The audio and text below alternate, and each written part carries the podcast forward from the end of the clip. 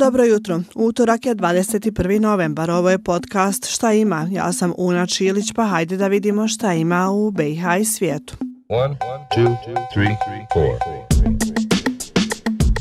Na današnji dan prije 28 godina parafiran je Dejtonski mirovni sporazum.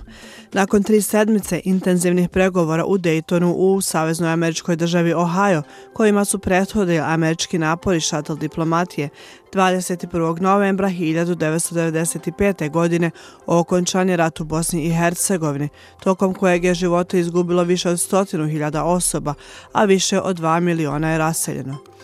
Ovaj sporazum, čiji je aneks 4 još uvijek Ustav Bosne i Hercegovine, tri sedmice kasnije, 14. novembra, u Parizu su zvanično potpisali Alija Izetbegović, Slobodan Milošević i Franjo Tuđman. Tadašnji predsjednik Bosne i Hercegovine, Alija Izetbegović, nakon parafiranja sporazuma, rekao je između ostalog da bolji mir nije mogao biti postignut. Ja kažem, ovo možda nije pravičan mir, than a continuation of war. Ali pravičniji nego nastavak rata. In the situation as it is, u situaciji kakva jeste and in the world as it is, i u svijetu kakav jeste, a better peace could not be have been achieved. Bolji mir nije mogao biti postignut. What is our witness that we have done everything in our power Bog je naš svjedok da smo učinili sve u našoj moći da smanjimo nepravdu za našu zemlju i naš narod. Hvala vam.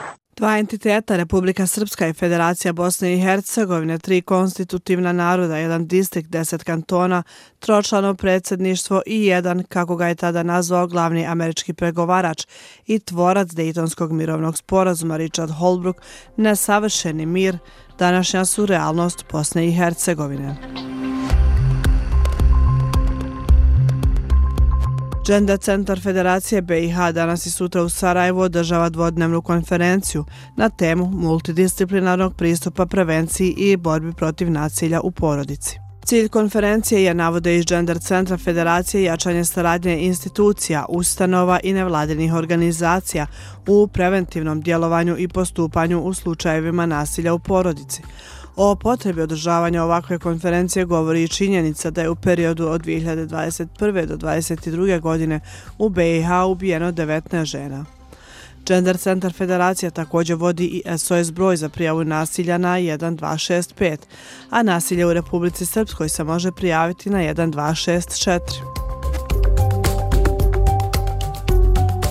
I još kratko za kraj. Danas je Svjetski dan televizije. Generalna skupština Ujedinjenih nacija proglasila je 21. novembar Svjetskim danom televizije, kako bi se odalo priznanje rastućem uticaju koji je televizija imala na donošenje odluka, tako što je uz pomoć TV-a skrenuta pažnja svijeta na različite sukobe i prijetnje miru i sigurnosti.